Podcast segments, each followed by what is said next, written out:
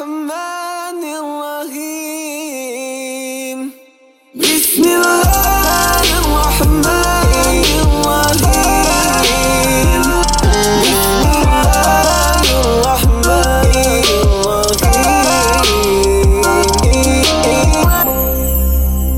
Assalamualaikum warahmatullahi wabarakatuh. Selamat kembali setelah berehat setelah sekian lama NJU kembali Yes, di dalam uh, studio membuat rakaman. Ya. Uh, sebenarnya kami pun terfikir-fikir nak buat lagi ke tak nak ni. Hmm. Penat lah eh. Tapi demi untuk berdakwah lah kita Ya, lakukan penting. ni. Demi untuk sama-sama kita eh, uh, meneruskan pengajian ilmu ni manalah tahu inilah satu investment kita untuk akhirat juga. Ya, ya, kan ya. dalam mana kita ni pun tidak uh, lari daripada melakukan kesilapan-kesilapan dan sebagainya. Hmm. Eh, Dan alang-alang juga kita mulakan dengan uh, podcast ini juga kita memulakan dengan Bismillahirrahmanirrahim kepada semua para pendengar Ah. dan uh, mengajak anda juga untuk melakukan satu ibadah yang luar biasa hebatnya. Apa dia? Ha, ibadah yang uh, kami inginkan untuk tahun 2022 ni uh, seperti tahun lepas uh, tahun ini NGO akan terus mengendalikan uh, ibadah korban Ya, ya, untuk tiga buah negara saudara-saudari yang sedang mendengar ni. Masya Allah. Okey dan uh, antara negara yang kita akan uh, mengendalikan insyaallah uh, Indonesia iaitu di kawasan Semarang, di Kenya, di Kuala County dan juga Bangladesh di Dhaka City. Ya, ya, ya, ya. Dan uh, satu di Indonesia kalau anda nak tempah boleh lakukan segera di uh, 198 dolar sahaja untuk seekor. Di Kenya 178 dolar dan Bangladesh 210 dolar seekor. Hmm. Jadi korang boleh nampak all the details uh, ataupun nak buat tempahan silakan saja di nju.sg garis miring shop. And now it's on to the show.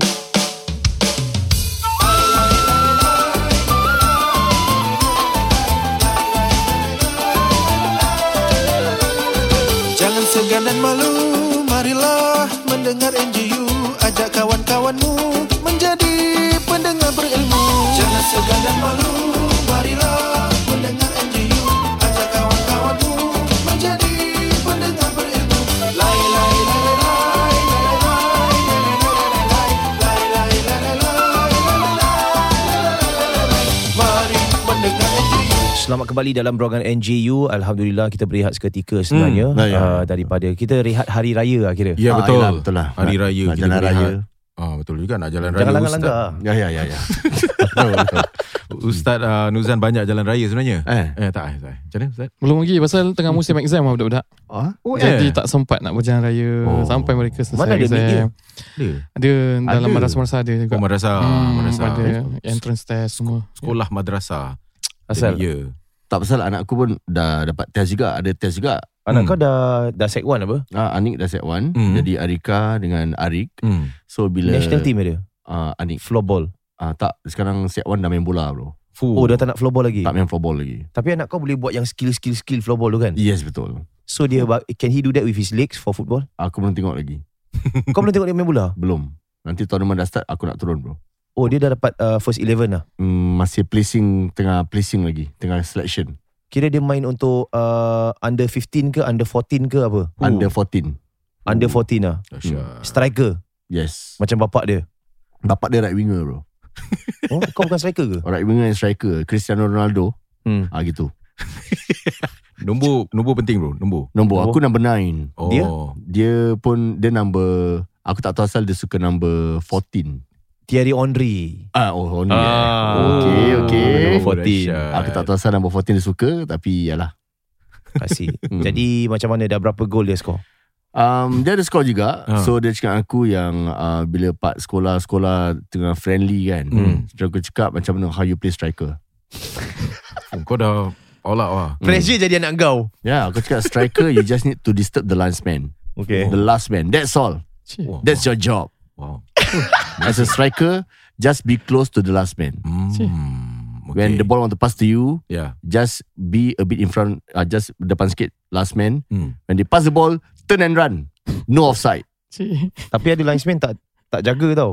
Mana? Cotton and run semua dia blow offside. Jalan, jalan, jalan. That's why. betul. Hmm. Hmm. Pasal bila you main padang Hmm. Tak sama macam dekat Dekat padang Apa international punya Situ Hmm. ada kamera Ada VR Hmm. Dekat padang Diorang agak-agak juga Lebih Ya. yeah. lebih kurang lah Unless Correct. memang professional lah Mm-mm. Ya Ya Aku dulu um, ajar budak-budak main bola kan. Because Hmm. aku CCA in charge of football. Okay. Ya, ya, ya, ya, ya. Bagus. Ada satu session aku ajar semua diving. Wow. Oh, pura-pura Ah. jatuh. Konon-konon jatuh. Okay, Okay. now your turn. Aku tackle. Wah! Realistic a bit. Haven't make contact like that. Macam mana? Jatuh dia macam mana? Ui. Ya, ya, ya, Ah. ya. Sampai gitu sekali eh. Habis Senang masa tak? final Ya. Bila Ah. lawan Eh masa uh, tournament Hmm. Lawan bagus-bagus ni kan Ah. Diving aja Dapat free kick Hantar budak bagus free kick Bam Gol Okay. oh. Habis semua defend Aku main Itali style Eh, Tapi referee- menang lah. Eh, referee Menang menang. Ya, menang menang menang. menang, menang. Ya. Pasal pasal budak-budak selalu Hmm. dulu punya zaman lah eh. Ya. Dia orang bukannya boleh goalkeeper dengan baik. Ya, ya, kan ya. pada masa Pendek. masa kecil kan. pendek. Goal post pula tinggi. Ah, Betul, Ya, ya, ya, betul, betul, Budak betul. kecil Ya, gitu budak primary Ah. 4, primary 5 Betul. Goal post jarang orang boleh reach lah Kalau Hmm. kalau goal post national lah Biasa Ya, ya. punya Unless kalau goal post kecil Tapi ada lagi satu Selain daripada istilah striker Ada poacher ah. Ah. Poacher ni macam apa Macam Cicarito Inzaghi Hmm. Diorang Cikada The break the defense. Diorang bukan break the defense Betul Cikodok Cikodok Toy with the defense ah. Itu kira binatang ah. Oh ya, ya. Teruskan okay. dengan Inzaghi Cikodok tadi Inzaghi. Cicarito So poacher ni diorang Fox in the box Ya Fox in Hmm. the box Diorang pandai cari tempat Opportunity ah, Pandai opportunity So Diorang- bila budak tu dive Ah. Peranan saya pula Ah. Saya akan pekik Apa? Kira Oh. bila dia jatuh Brum Wai! Oh Kira ya marah referee, Pressure referee Pressure lah, kira. Wah. Pressure Ah, Eh, kadang-kadang ya, ya. kadang-kadang Pressure, ada pressure. orang referee yang tak profesional pressure Ya, tau macam pressure, orang pressure. orang minta aje kan ah Hmm. bagi. Ya. Ya, Lepas tu ya, nanti ya. tim lagi satu kan cakap eh apa dah tu dia Ya, macam dah ya, ya. alamak aku dah tiup pula. Ya, Ya, ya. Ini tactical, mental, mental. Correct, correct. So yang next Jadi punya, apa hukum ya. main bola menipu? Kalau tournament-tournament ataupun sukan Hmm. mengajar untuk menipu sikit untuk kebaik, kebaikan pasukan. Ah, Ah. tak boleh lah, tak boleh. Hela, hela dalam tu. Hela dalam padang. Okay, Hmm. contohnya kalau you hand of God ke apa kan. Ah. Ah, so you perlu perlu mengaku tak? Ah, Hmm, sebenarnya macam perlu pasal kita walaupun nak menang Hmm. ah, tapi kita tak boleh ada tipu daya. Macam Nabi SAW Sallallahu alaihi Baginda. Rasul kalau dalam konteks berperang ke apa tu Hmm. cerita lain. Hmm. Itu memang pembelaan. Tapi kalau ini kita anggap sebagai bukan hidup dan mati ataupun dizalimi Alah, Hanya sebagai pertandingan. Kesenian itu. ke Kesenian. uh, kesenian. Maybe dia boleh ajar dia apa ini adalah sebahagian daripada taktik-taktik. Hmm. Uh, kan macam jatuh ni sebahagian dari taktik. Hmm. Uh, tapi kalau nak cakap berdosa ke apa sebagainya adalah. saya pun uh, tak berani lah nak Actually, betulkan. That action jatuh Hmm. Kalau dapat free kick atau penalty Hmm. Kalau kau tu kau tipu Referee dah kasih kan. Ah. So kau datang kat referee. I'm sorry lah referee. Actually I dive lah I bedek lah Tapi referee cakap ah, Never mind, never mind Just do it ah, Angkat lah penalty Dia bilang betul terang Oh, kira Mau I dah nak jujur. buat macam ni kat Tak, referee. tapi kalau betul-betul nak bertaubatnya konsep, Hmm. kira Ah. bila dapat penalti dia tendang tak gol lah, tendang tepi. ah. Oh, ya. Baik Yalah, tak yalah. payah dive macam itu. Yalah yalah Buang yalah. masa.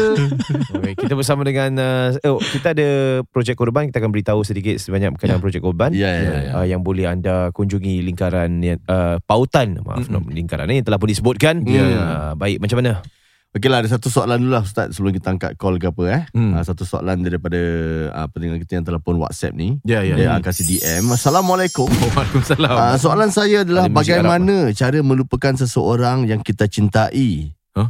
Tapi dia bukan mahram kita Ustaz Contoh let's say Oh, boyfriend, girlfriend Boyfriend lah ni. girlfriend oh aku ingat harta Oh bukan Oi, kalau Cinta harta, harta. lupa. Hmm. Habis bila dah break up kan Ah. Dia susah nak lupakan orang tu Macam nak lupakan Ustaz Mungkin cara berzikir ke Hmm. dengarlah Ah, macam ada podcast lain ada zikir dia lain. Tapi Hmm. yang macam yang sekarang ni NJU macam mana? Mungkin dengarlah dengarlah apa tu? dengarkanlah di sepanjang malam aku berdoa dude, Ted. Alamak, carry on lah. Kita main beat. aku tak tak ada tengok muka kau Oh, belakang yalah, yalah, of course.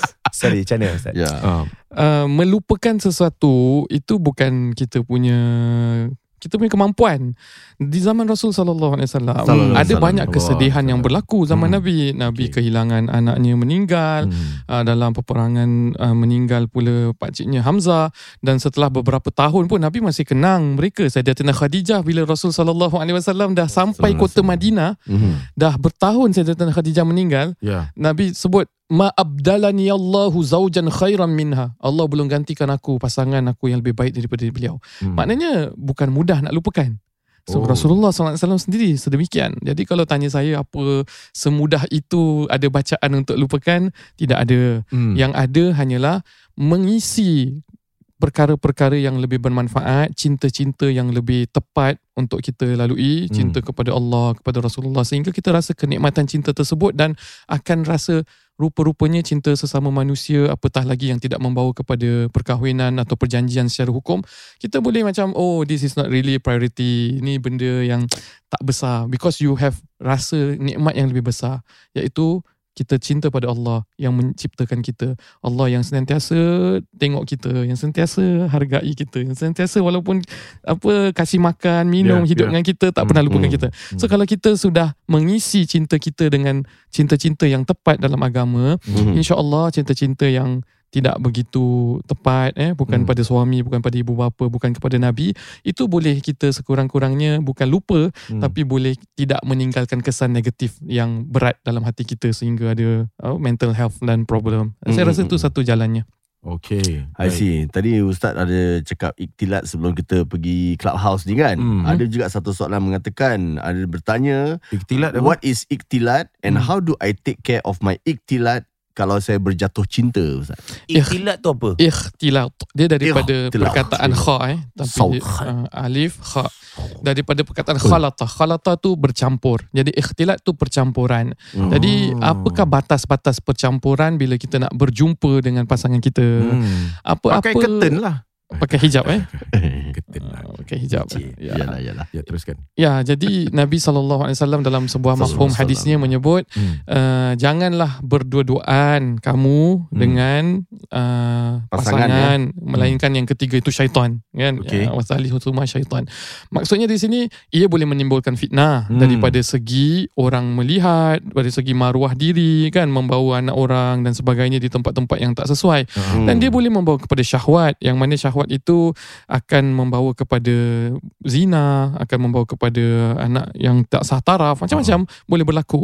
Jadi kalau kita benar-benar inginkan seseorang, maka kita nikahi dan kita menjaga batas-batas untuk kita bertemu dengan dia. Hmm. Wah, boleh je kan kalau saya untuk pergi berdua dan sebagainya di tempat yang bukan berduaan sahaja, bukan di Hmm. tempat yang gelap. Mhm. Uh, dan bila kita nak telefon ke apa kalau video call pun dalam keadaan menjaga batasan aurat hmm. eh, Hmm. bukan video call dalam keadaan berdua-dua uh, di malam hari sehingga terlihat apa aurat-aurat dan menimbulkan syahwat. Oh, video Ah. call eh. Oh, Ada DJ. satu kata-kata man Man video call oh, Saya ingat ada kata-kata. Sorry uh, Man video call. Gitu. oh, kira man istajala fi syai'in qabla awanihi uh, hurima ataupun uh, nuqisa min hirmanihi. Siapa yang mendahului hmm, sesuatu sebelum masanya dia mendahului sesuatu. mendahului atau mengambil sesuatu sebelum masanya dia akan terasa rugi kelak nanti so Hmm. ada perkara-perkara yang kalau kita belum lagi menikmatinya sebagai suami isteri Ya. dengan begitu ibadah dengan tenang Ya. bila kelak nanti dia akan ada konsekuensi dia Hmm. ada implicationnya seperti buah yang belum ranum masak Buah Kita- khuldi ya. Ui, itu itu lain. Itu buah yang dekat Adam Apple tu eh. Okey, Saya saya, nak cerita buah khuldi ni. Allah sebut la taqraba hadhihi syajarata fatakuna minaz zalimin. Wahai Adam dan Hawa, kamu Hmm. berdua jangan dekati pokok ni. Larangan Allah. Jadi iblis ni dia tipu Saidina Adam dia kata kalau kau dekati version yang selalu kita dengar tu version Israeliat. Kalau kau dekati kau akan masuk kau akan ada eternity, eternal life. Khuldi daripada perkataan selama-lamanya. Kau Hmm. makan, kau akan be eternal. Oh. Sedangkan manusia tu eternal jugalah secara tak langsung. Maknanya dia akan mati, dia akan hidup balik dan dia akan dibangkitkan dan selama-lamanya akan ada. Hmm. Bila Allah adakan kita roh aja, insya-Allah kita mati tapi kita akan bangkit lagi dan sel- selama-lamanya. Tak payah nak makan. Tapi sebenarnya ceritanya adalah Saidina Adam ini tertipu dengan iblis. Maksud iblis iblis kata kau dekati ni kau akan dapat dekat dengan Allah, kau akan dapat takwa. Allah sebenarnya tak haramkan eh. kau. Jadi dia di ditipu. Bukan atas nafsu syahwatnya dia nak makan. Kebanyakan orang menyandarkan sesuatu yang tak layak kepada seorang nabi. Sedangkan nabi-nabi Allah ni maksum. Jadi pengajaran kenapa ada cerita pasal Nabi Adam? Supaya manusia tahu bahawa sifat iblis suka menipu dan manusia kadang-kadang tertipu. Dalam hidup kita tertipu dengan harta tertipu dengan wang apa dengan pangkat dengan kesombongan. Hmm. jadi itu cerita manusia prototipe pertama supaya kita ambil pengajaran Hmm. bukanlah Sayyidina Adam itu orang yang berdosa tapi dia tetap berdoa Rabbana zalamna anfusana wa illam taghfir lana wa tarhamna lanakunanna minal khasirin sesungguhnya Tuhan kami kami menzalimi diri kami dan Hmm. ila akhir ayat jadi balik kepada cerita tu uh, jangan kita ambil sesuatu manis ta'jala fi syai'in qabla awanihi siapa yang mempercepatkan sesuatu sebelum masanya uh, dia akan rugilah I see. Hmm, baik, kita ada soalan untuk kira kau ingat dah habis eh. Ya, ya, that's right. Kena eh. main benda kan. Oh, macam dun. excited eh. Oh, okay. Baru 16 minit pengajian. Kau try main benda tu sikit. Tet, tet, du, tet, du, tet, Ini tet, sengaja. Tak kena. Kira dah Dah tak nak bunyikan sebagai musical instrument Macam kira dah blatant Dun tek Tek Dun tek Langsung tak sedap Tapi tag tu memang orang yang main darah buka. Ya, Kalau you betul. tengok dia punya tutorial, Hmm. dia orang akan ding tag. Dia macam dung tag, dia akan bunyikan dung Oh tag. Kalau Ya, orang main rebana Tak ah tak eh. Dung Ah. tak Hmm. Ah. Dun dun tak Dun dun Hmm. Ah, dun eh. Dung Ya Ya, kalau Dung, Arab dung. Arabnya ding ding tak ketak ding. Hmm. Dikir baratnya Dung dung dung Cak ada cak dia Oh, Ah, ada cak, tiga, cak. ada tiga eh. Ding ding ding ding ding cak ding ding ding ding ding ding ding ding ding ding ding ding ding ding ding ding ding turut turut turut turut dun deg deg deg din deg deg deg din tak tak ting. Ada satu bit kau lupa. Ya, Tepuk 10 eh. Ada satu bit kau lupa. Apa?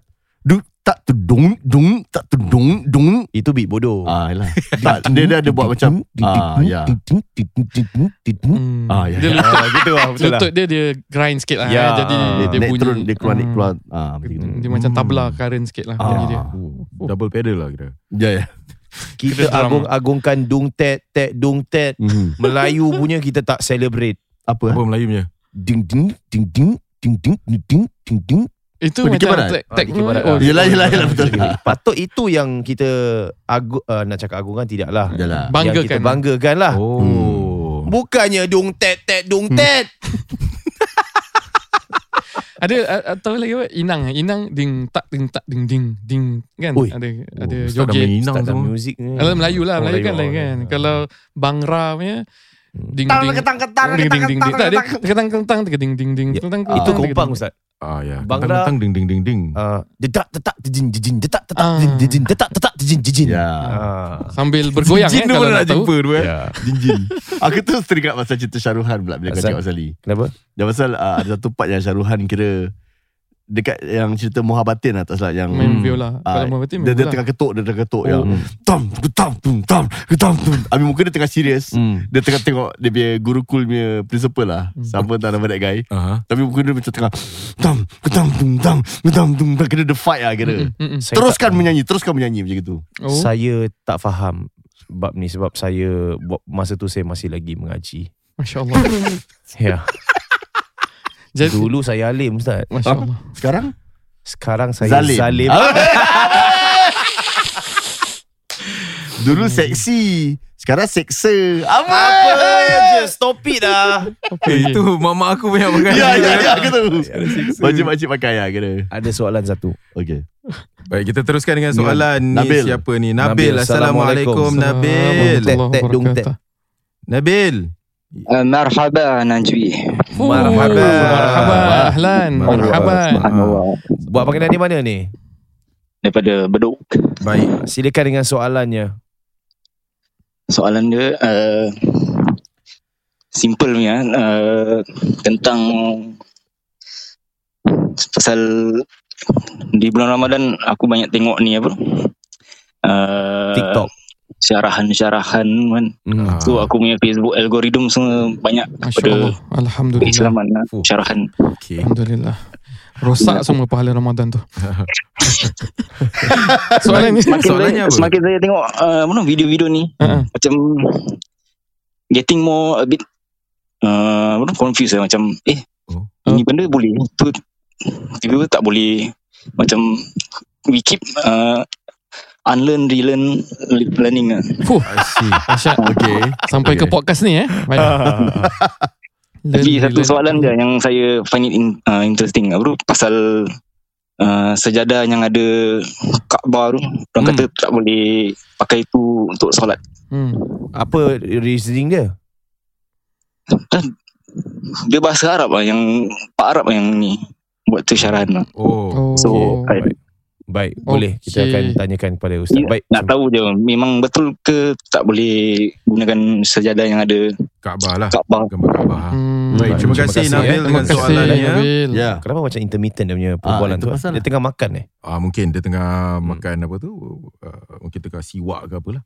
Hmm. Siwak ke apa. Macam mana ni? Siwak tak makan dia. Ah, tak ada tengah apa tu? Gigi, Tengah bersugi, eh. Bersugi lah. Bersugi. Sejadah berkaabah, sejadah berpattern. Hmm. Kita lihat ada beberapa uh, dalam market Hmm. Ya, eh, ya. budak-budak punya sejadah pun ada yang color Kaabah, color-color pun. Hmm. Eh Kaabah dia aku tak tahu color-color ke apa, tak tahu. Kan ada budak punya Ada. Betul. Ada.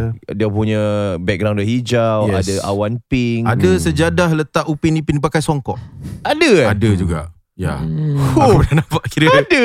kira kakak saudara aku yang dekat Johor aku cakap, "Eh, ni apa ni? Ah, ni sejadah solat untuk budak-budak." Eh, Tak boleh ada gambar orang, Upin ada Ipin. gambar orang tak boleh. Yelah nak mana tahu budak nak semayang Upin Ipin ke apa. Ini marketing. Yelah, yelah. Ada sampai gunakan jersey bola sebagai sejadah. Hmm. Ada Ah, kira macam mana ni lah. Dia kira nak solat kat tepi ah. padang lah kira. Tak bawa sejadah lah Oh. Gunakan jersey bola ni Hmm. Jadi apa fungsi sejadah Dan sejauh Hmm. mana Kebebasan kita Flexibility Menggunakan uh, sejadah yang Baik. Dan bagaimana pula Ada tak um, Sejadah yang kita tak boleh Gunakan lah In a sense Ya pasal yang tak boleh guna Pasal ada sejadah yang Kalau you sujud Lepas tu dia bilang tau Ni dah sujud rakaat ke berapa huh? ya? Ada eh Smart ada for sejadah uh, smart sejadah for orang takut lupa budak-budak semua ada di pasaran. Hmm. Anyway, ta, saya suka soalan tadi dia kata, beliau tadi Zah tadi ada sebut apa fungsi sejadah dahulu. Hmm. Fungsi sejadah selain daripada ia merupakan sunnah Rasul sallallahu alaihi wasallam. Kan Nabi yasjudu ala sajadah kan sifat salat Nabi tu Nabi kalau solat di atas satu hamparan atas satu sejadah. Hmm. Sama ada itu daripada sarbannya ataupun pada kain tertentu. Ni lain dengan sutra eh? Bukan. Ah jadi dia ada kaitan dengan sutrah. Hmm. Jadi sutrah sutrah. tu adalah bila mana Kira seseorang kata banyak juga. ah, Zah. Of course lah Kau metodologi dakwah tau Kau tahu tak ha, Ingat Dulu orang tengah Hindustan dia ngaji Ah. kan nampak Oh, Masya-Allah. Ingat aku juga, kosong aku ha. Ya. Dakwah tu apa Yelah, yelah. Falsafah Islamiyah Semua aku belajar ha. Oh dah put topik ni yelah. Ya, of course subjek. lah. Of course lah. Walaupun to- to- topik-topik tu tak ada kena-mengena dengan sutrah tapi uh, okey lah juga. Ah. Legit Jadi juga. jadi legit lah. Legit juga lah. Topik tu jadi legit. Boleh ya. lah.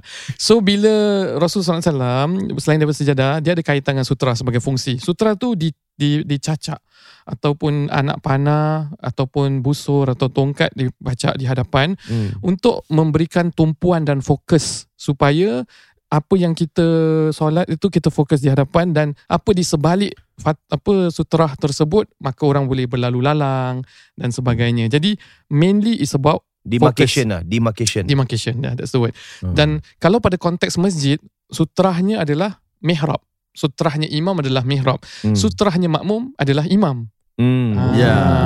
Jadi kalau dalam konteks itu semua tak ada, Hmm. kadang-kadang orang taruh uh, sedikit uh, dalam ilmu fikih tu ulama suruh letak sedikit macam nisan lah macam Hmm. macam nisan tau bukan batu nisan tapi ada sedikit uh, ketinggian Something lah something depan. untuk syarat di situ dan kalau itu pun dah tak ada ulama kata semayang dekat belakang tembok masjid ke apa semua Hmm. kalau tak pun baru pakai sejadah sejadah tu fungsinya antara lain adalah sebagai sutra. Jadi kalau orang nak lalu depan kita ke apa, Hmm. dia kena melebihi sejadah kita. Kalau dia di hadapan kita dia lalu juga, Ya. kita berhak untuk menahan dia daripada berjalan. Hmm. Ha, dan dia kalau buat dengan sengaja berdosa.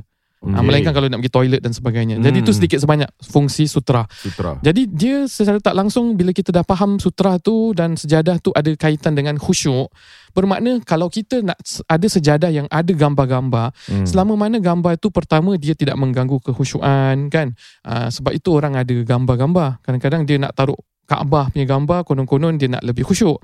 Jadi hukumnya ulama bincangkan harus sahaja hukumnya. Dia tak jadi wajib, tak jadi sunnah, tak jadi makruh. Hukumnya harus tetapi adalah lebih baik meninggalkan yang ada gambaran-gambaran. Hmm. Harus Itu. bermaksud boleh lah. Boleh. Buat Boleh. tak dapat pahala kalau tinggalkan pun Tak berdosa tak lah. berdosa tak dapat pahala. Eh. Haruslah. Oh, jadi ni kira kan untuk macam uh, sendiri punya pakai lah. Ah, Contohnya sendiri. kalau kalau kau pakai lepas tu sejadah ada gambar Kaabah, lepas tu kau tak khusyuk, lebih Hmm. baik kau gunakan sejadah yang tak bergambar. Betul. So something like that. Lah. Betul. Dan Okay. dan tapi kalau dia sudah ada ayat-ayat al-Quran, Hmm. ah di situ silapnya kerana kadang-kadang kita letak di tempat yang rendah. Hmm. Hmm. Kemudian kadang-kadang kita lipat ada orang konon-konon dia jaga adab lah lipat pula tu dekat tempat kita pijak kaki. Sebab itu Right. right. orang ajarkan lipat sejadah Ada Ah. tahu ada orang kata adab lah ni tak jadi masalah lah. Hmm. Adab je. Okey. Dia lipat bukan seperti ni. Dia Hmm. lipat sengit ke tepi ke tepi lu. Bukan daripada, daripada kaki ke tempat sujud Ah, Tapi ke- daripada kiri kanan Lipat ke tengah gitu Ah, lah baru dia lipat-lipat. Tapi ni semua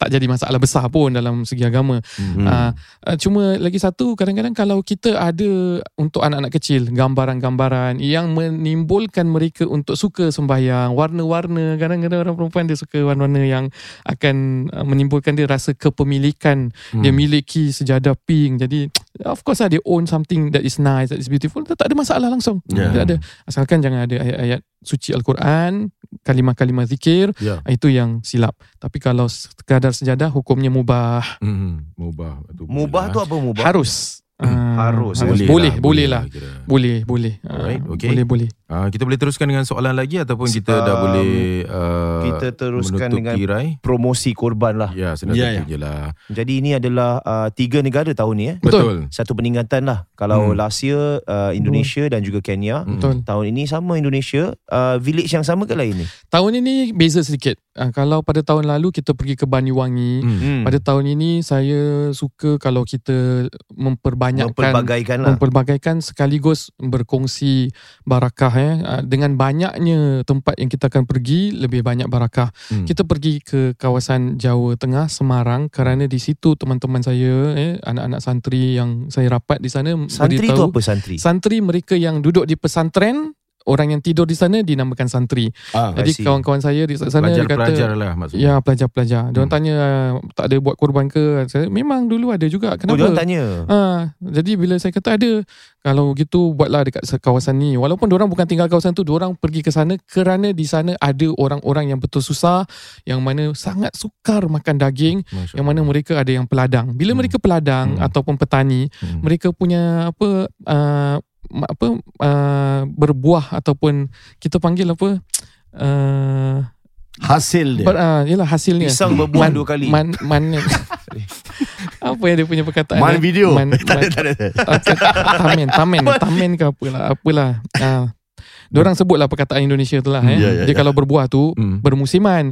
Jadi Oh, kadang-kadang tak ada hasil. I see. Ha, jadi bila ada bermusim tu lah diorang beli daging. Kadang-kadang sampai 3 4 bulan baru makan daging. Ah. Jadi bila hari raya haji ni kita orang Singapura alhamdulillah Allah berikan kelebihan ya. Hmm. Ada kemampuan insya-Allah untuk beli seekor kambing yang mana itu sebagian ulama kata wajib mampu. Hmm. Tapi kita alhamdulillah berpegang pada mazhab Imam Syafi'i kita sunnah yang digalakkan muakkadah. Hmm. Ha, jadi kalau siapa ada kemampuan beli insya-Allah selain daripada penghapus dosa meningkatkan syiar Islam dia akan menjadikan daging-daging tersebut kepada orang-orang yang very very rare makan daging dan dia sangat hargai sampai dekat bahagian perut sampai kat bahagian apa-apa lidah bahagian everything dia orang will not waste. Ya. Itu feedback yang kita dapat maka kita pergi ke kawasan Semarang. Hmm. Baik insyaAllah ya. Jadi uh, boleh uh, segala yang uh, korang tengah dengar ni Hmm. uh, akan dimuat naikkan di laman uh, Macam kau tengok macam tu Tak ada apa Kau jangan buat ketawa Aziz tak ada lah Mana ada Akan dimuat naikkan di um, what, WhatsApp pula Apa